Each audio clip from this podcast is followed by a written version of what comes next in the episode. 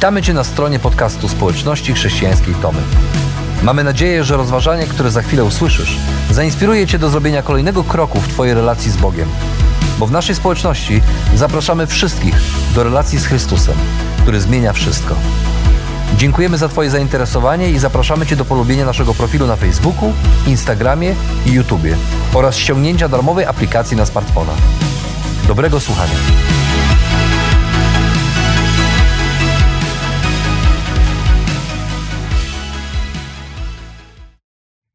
Każdy z nas ma swoje wyobrażenie sprawiedliwości. A Brian Barrell w swojej książce World We Live By opowiada o uzbrojonym bandycie, Denisie Lee Curtisie, który e, został aresztowany po serii kradzieży w 1992 roku w południowej Dakocie. Okazało się, że Curtis miał skrupuły co do swojej działalności przestępczej, ponieważ policja e, znalazła w jego portfelu po aresztowaniu listę zasad, którymi kierował się w czasie swojej pracy. Nikogo nie zabiję, chyba że będę musiał. Biorę gotówkę i bony żywnościowe, żadnych czeków. Rabuję tylko w nocy, nie zakładam maski, nie będę rabował minimarketów ani sklepów 7-Eleven. Jeśli policjanci będą mnie ścigać na, na piechotę, uciekam. Jeżeli będę ścigany przez pojazd, nie narażam życia niewinnych cywilów. Okradam tylko 7 miesięcy w roku. Będę rabował bogatym, aby dać biednym.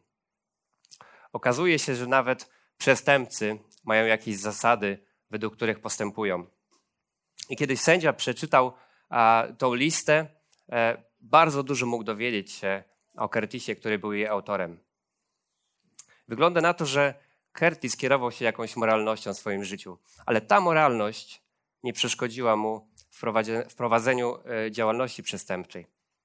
I kiedy stanął przed sądem, nie był skazany według standardów, które sam sobie ustanowił, ale według prawa państwa, które stało wyżej. I chociaż w oczach sędziego mógł zyskać, to i tak poniósł zasłużoną karę. I kiedy żyjemy według własnych standardów, które opierają się o, naszej, o naszą moralność, ludzie dookoła bardzo dużo mogą dowiedzieć się o nas. I nawet możemy wypadać, wypadać w ich oczach nieźle w porównaniu do innych osób. Tak jak to było w przypadku dwóch braci, którzy e, byli znani w swoim mieście z tego, że oszukiwali w interesach i nieźle się przy tym bogacili.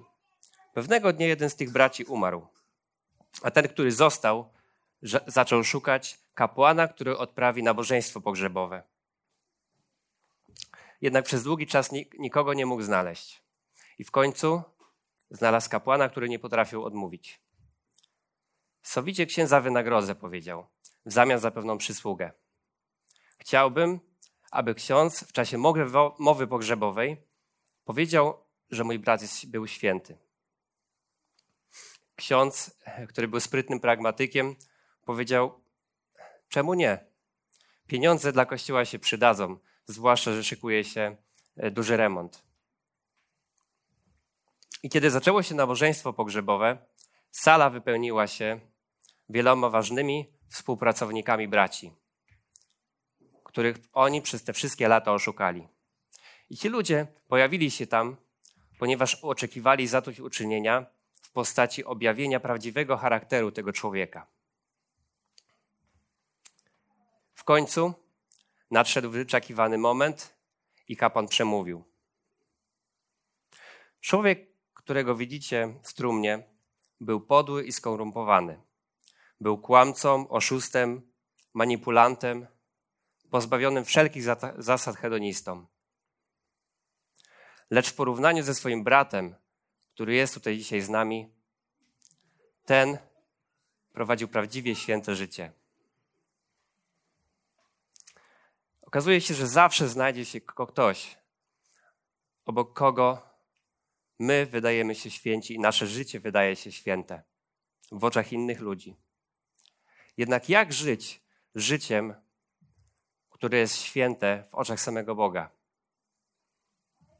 I z tym pytaniem musieli właśnie zmierzyć się Izraelici. W podróży przez Księgę Wyjścia e, docieramy do momentu, gdzie historia zatacza koło.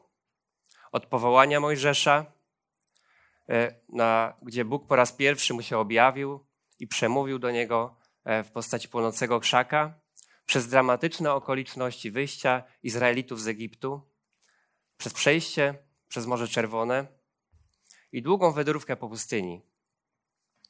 Izraelici docierają do podnóża góry Synaj, do miejsca, gdzie Bóg powołał Mojżesza i po raz pierwszy do niego przemówił.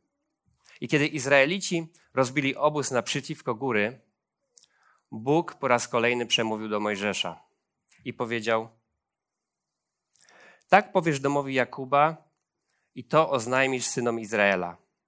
Sami widzieliście, co uczyniłem Egipcjanom, jak was nosiłem na skrzydłach orlich i przyprowadziłem do siebie.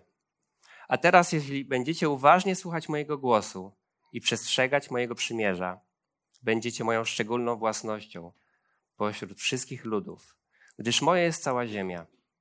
Będę, będziecie mi królestwem kapłanów i narodem świętym.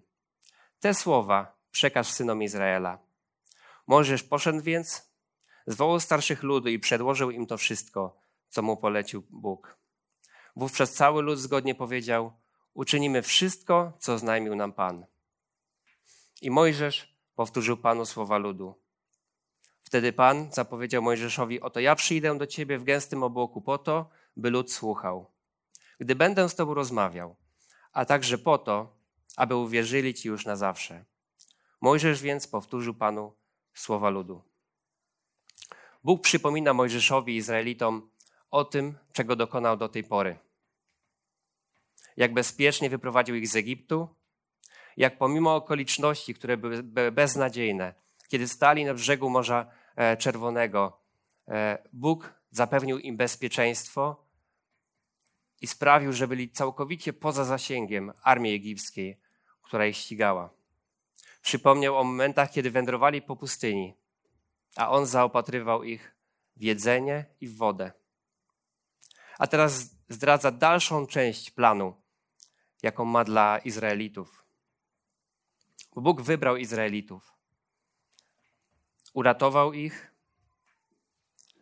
Chciał, aby to oni byli Jego narodem. Ale oni nadal nie byli tymi, kim Bóg chciał, aby się stali. Ponieważ Bóg chce, aby oni byli nie tylko jakimś tam narodem wybranym, ale Bóg mówi o nich, że chce, aby stali się kapłanami i świętymi. Głównym zadaniem kapłanów w tamtych czasach było składanie ofiar e, w imieniu ludu, świątyni. I inaczej mówiąc, byli oni pośrednikami między Bogiem a człowiekiem. Nikt nie mógł przebywać bliżej Boga niż kapłani.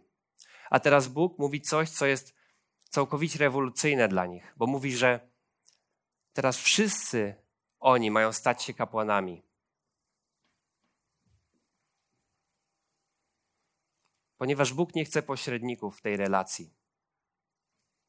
On chce, aby ta relacja była osobista. To oznacza, że każdy z nich może być bliżej Boga, może mieć bliższą relację z Bogiem niż kiedykolwiek. A do tego chce uczynić ich świętymi czyli oddzielonymi od zasad tego świata ludźmi. I kiedy Mojżesz przedstawia propozycję Boga starszym, od razu cały lud mówi, że tak, chcemy tej relacji, zrobimy wszystko, czego oczekuje od nas Bóg. Bo kto nie chciałby stać po stronie tak wielkiego Boga, który dokonał tylu wielkich rzeczy dla nas? który pokazał, że panuje nad wszystkim i który pokazał, że zaopatruje we wszystko. Jednak pomimo tego, że Bóg wybrał Izraelitów, On chciał, aby też oni wybrali Jego. I On chciał, aby to oni zdecydowali, że chcą takiej relacji. Relacji, które, która może ich uświęcić. I to nie w oczach innych ludzi, ale w oczach samego Boga. Bo wielki Bóg zaprasza wszystkich ludzi do bliskiej relacji z Nim, aby uczynić ich świętymi. I kiedy Bóg usłyszał o tym, że Izraelici chcą zrobić wszystko, czego oczekuje od nich Bóg, wtedy Bóg powiedział do Mojżesza, że chce się z nimi spotkać. Chce się z nimi spotkać osobiście. Chce do nich mówić i chce, żeby oni słuchali mojego głosu. A więc mówi do Mojżesza tak. Idź do ludu i poleć im, aby poświęcili się na dziś i jutro. Niech wypiorą swoje szaty, niech będą gotowi na trzeci dzień, gdyż trzeciego dnia stąpi Pan na górę Synaj, na oczach całego ludu. Wytycz granicę dookoła. Powiedz, strzeżcie się wstępowania na górę. Nie dotykajcie też jej podnóży. Każdy, kto dotknie góry, będzie musiał umrzeć. Niech nikt nie dotyka jej ręką, bo zostanie ukamienowany albo przyszyty na wylot. Niezależnie od tego, czy to będzie zwierzę, czy człowiek, nie zostanie przy życiu. Dopiero gdy przeciągle zabrzmi róg barani, można będzie wejść na górę. Po tych słowach Mojżesz zszedł do ludu i kazał mu się poświęcić oraz wyprać szaty. Następnie ogłosił lud ludziom: Bądźcie gotowi na trzeci dzień. Nie zbliżajcie się też do kobiet. Bóg chce, aby ludzie przygotowali się na to spotkanie. I kiedy Bóg ich zaprasza, to zaprasza ich, bo chce do nich mówić i chce, żeby oni osobiście go słuchali. Dlatego prosi Mojżesza, aby się poświęcili, aby wybrali swoje szaty i aby na trzy dni wstrzymali się od seksu. A potem robi coś dziwnego. Coś, co wydaje się być całkowicie sprzeczne z tym zaproszeniem, o którym mówił wcześniej. Bo mówi, że Mojżesz ma wytyczyć granicę dookoła góry. Granicę, której przekroczenie wiąże się ze śmiercią. A trzeciego dnia rano ludzie usłyszeli głos rogu Usłyszeli grzmoty, błyskawice. Cała góra zaczęła dymić i zapłonęła. Wtedy wszyscy stanęli e, przed górą i sam Bóg, który stąpił na górę, zaczął do nich przemawiać, a oni mogli słuchać Jego głosu. Jednak nikt nie mógł przekroczyć tej granicy, którą Bóg kazał wyznaczyć Mojżeszowi to w takim razie po co to całe zamieszanie z tym uświęceniem? Skoro i tak nikt nie mógł stanąć w obliczu Boga. Bóg chce przypomnieć Izraelitom to, co wydarzyło się w Edenie. W Edenie ludzie mogli w fizyczny sposób doświadczać relacji z Bogiem. Mogli go dotknąć, mogli na niego spojrzeć, jednak przez grzech pierwszych ludzi ta relacja została złamana. I Bóg chce pokazać ludziom, że nic co fizyczne nie jest w stanie przywrócić tej relacji do stanu z Edenu. Ale chce też pokazać Izraelitom, że On jest całkowicie innym Bogiem od tych bogów, których oni spotykali e, na swojej drodze i, i widzieli w Egipcie że to nie jest Bóg, który jest w zasięgu w rozroku i ręki człowieka. Że to jest prawdziwie święty Bóg. To co w takim razie z tym zaproszeniem? Skoro Bóg wytycza granice i pokazuje, że wy będziecie stali po tej stronie, a ja będę stał po tej stronie.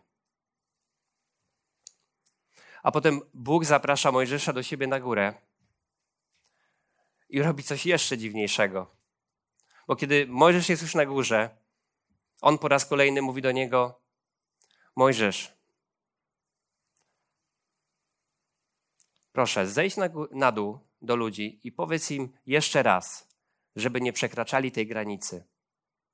A Mojżesz mówi: Przecież oni tego nie zrobią, przecież zabroniłeś im. Oni tego nie zrobią. Ale Bóg polecił Mojżeszowi, aby to zrobił. Wtedy Mojżesz zszedł i jeszcze raz przypomniał ludziom o tym, żeby nie przekraczali granicy, którą wytyczył Mojżesz dookoła góry.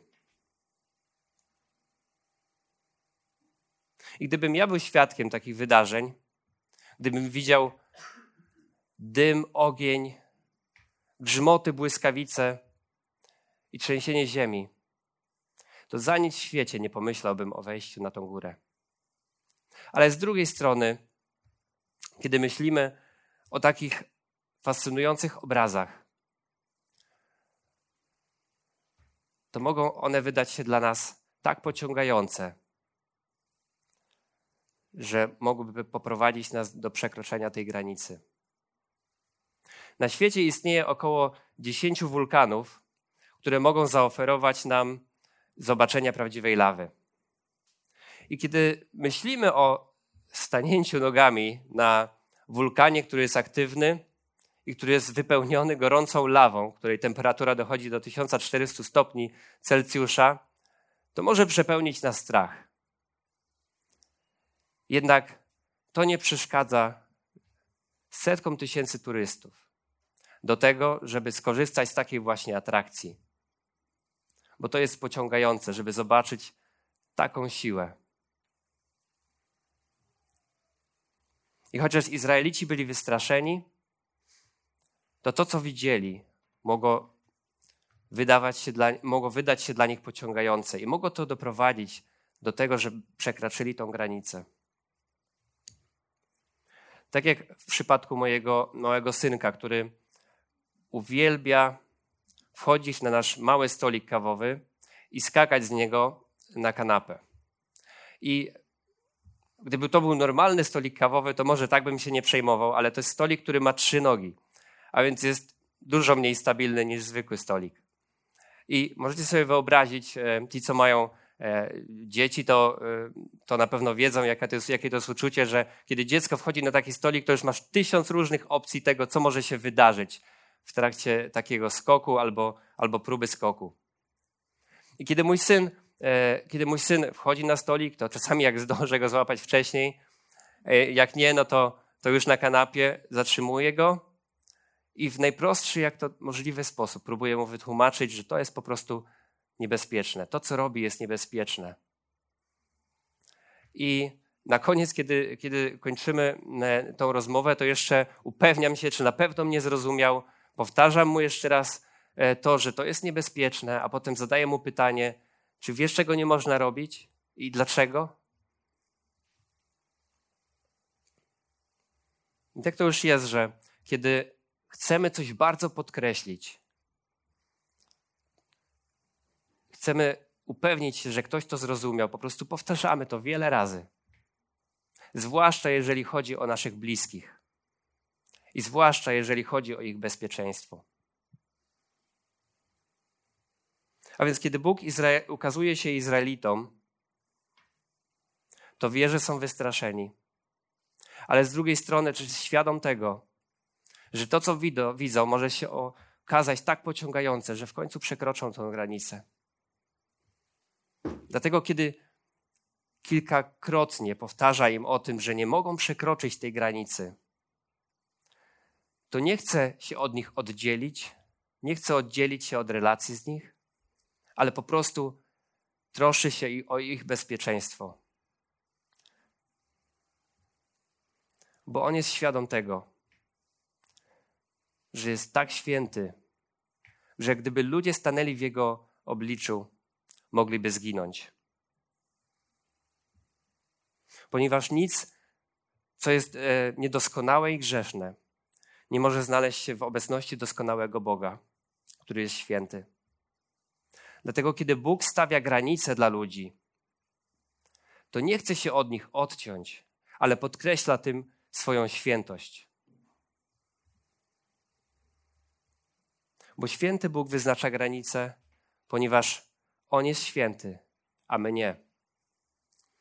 A więc święty Bóg zaprosił ludzi do relacji, wyznaczył granice w tej relacji, a teraz chce, aby ludzie mogli go poznać.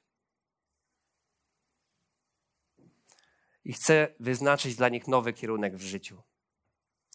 Kierunek, który poprowadzi ich do świętego życia. I mówi tak: Ja jestem Pan, Twój Bóg, który Cię wyprowadził z ziemi egipskiej, z domu niewoli. Nie oddawaj czci innym bogom obok mnie. Nie żeś w sobie bóstw, ani nie czyń żadnych wyobrażeń czegokolwiek, co jest wysoko na niebie, albo nisko na ziemi, albo głęboko w wodzie. Nie składaj temu pokłonów, ani nie oddawaj czci, ponieważ ja, Pan Twój Bóg, jestem Bogiem zazdrosnym. Dochodzę winy ojców na synach do trzeciego i czwartego pokolenia tych, którzy mnie odrzucają, a okazuję łaskę tysięcznym pokoleniom tych, którzy mnie kochają i przestrzegają moich przykazań. Nie używaj imienia Pana, Twojego Boga, nadaremnie, gdyż Pan nie pozostawi bez kary tego, kto używa Jego imienia nadaremnie. Pamiętaj o dniu szabatu, aby go święcić. Pracuj sześć dni i wtedy wykonuj wszelką swoją pracę, ale siódmy, ale siódmy dzień przeznacz na szabat dla Pana, Twojego Boga. W tym dniu nie wykonuj żadnej pracy, ani Ty, ani Twój syn, ani Twoja córka, ani Twój sługa, ani Twoja służąca, ani Twoje bydło, ani cudzoziemiec, który przebywa w obrębie Twoich bram. Czyń to dlatego, że Pan tworzył niebo i ziemię i morze wraz ze wszystkim, co w nim jest, przez sześć dni, a siódmego dnia odpoczął. Właśnie dlatego Pan pobłogosławił dzień szabatu i wyróżnił go wśród pozostałych. Szanuj swojego ojca i matkę, by dzięki temu długo żyć na ziemi, którą Pan Twój Bóg Ci daje. Nie morduj, nie cudzołóż, nie kradnij, nie poświadczaj nieprawdy przeciw swojemu bliźniemu. Nie pożądaj domu swojego bliźniego, ani żony swojego bliźniego, ani sługi, ani jego służącej, ani jego bydlęcia, ani jego osła, ani czegokolwiek, co do niego należy. Naród izraelski przez kilkaset lat mieszkał w Egipcie, gdzie czciło się wielu bogów. Każda sfera życia ludzi w Egipcie miała swojego Boga. A więc jeżeli chciałeś mieć wiele błogosławieństw w życiu, musiałeś po prostu czcić wielu bogów. Bóg chce przypomnieć Izraelitom, że istnieje tylko jeden Bóg. Bóg, który stworzył niebo i ziemię, który stworzył ten cały świat i który wyprowadził ich z Egiptu i dał im wolność. Ale mało tego, że chce, chciał dać im wolność, to chciał, aby oni żyli życiem, które będzie ich wyróżniało. Aby byli narodem, który będzie wyróżniał się wśród innych narodów. Aby ludzie, kiedy będą na nich patrzyli, to będą widzieli, że to są ludzie, którzy należą do samego Boga. A przez przykazania, które im daje, pokazuje im, jak w praktyczny sposób ma wyglądać to życie, które jest święte i które ma ich wyróżniać. Ponieważ Bóg, który jest święty, chce, aby ludzie, którzy do Niego należą, byli święci. I aby ta świętość wyrażała się w życiu codziennym. W tym, jak pracują, w tym, jak odpoczywają, w tym, jak mówią, tym, jak traktują swoich rodziców, w tym, jak traktują swoich bliskich i w tym, jak traktują wszystko, co do, nie, co do nich należy. Problem polegał jednak na tym, że nikt tego prawa nie, nie potrafił wypełnić. I przez setki lat byli, byli ludzie, którzy próbowali, którzy usilnie próbowali żyć w granicach Bożego prawa, ale i tak prędzej czy później upadali. Nawet ludzie, którzy byli nazywani ludźmi według Bożego serca, w końcu upadali i pojawiał się w nich w ich życiu grzech.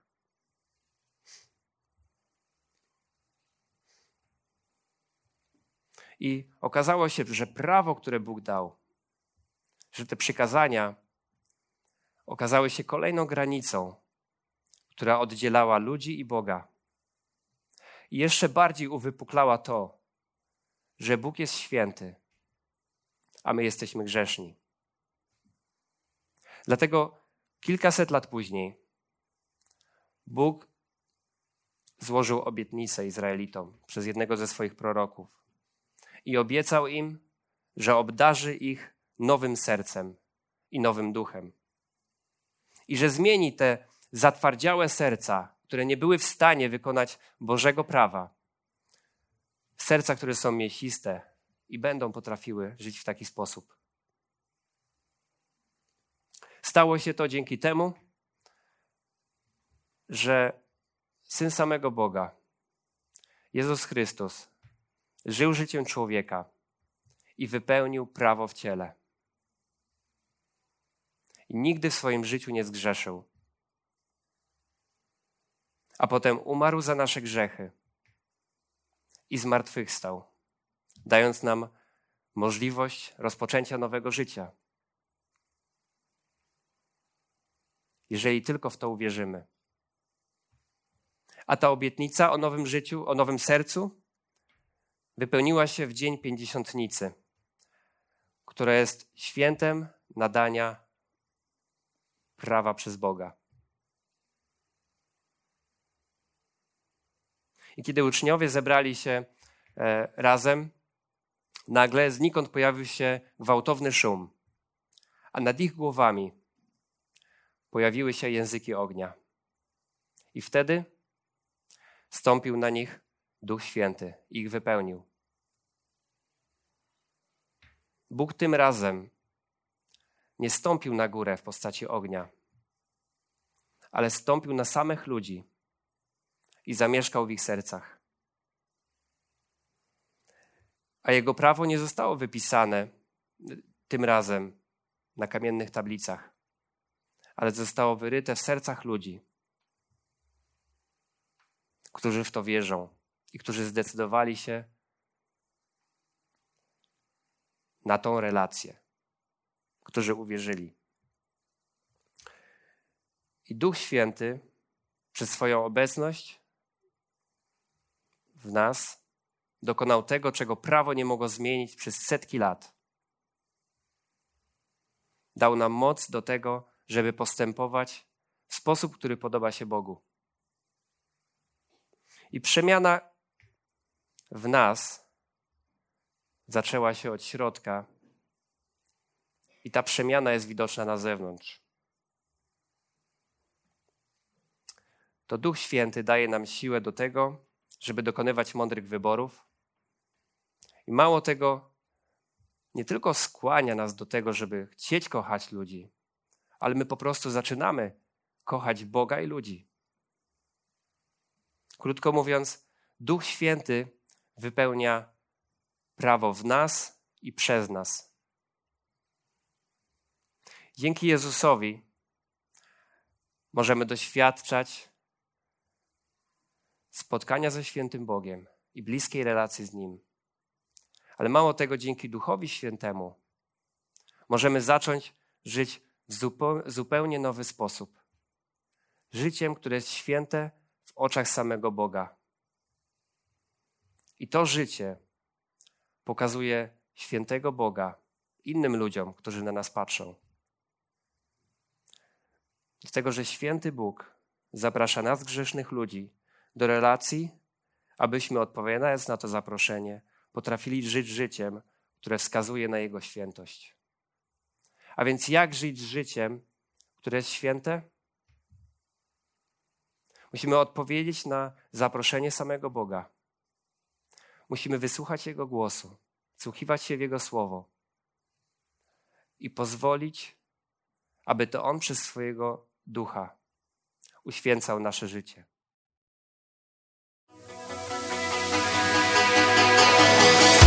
Jeszcze raz dziękujemy za wysłuchanie naszego rozważania.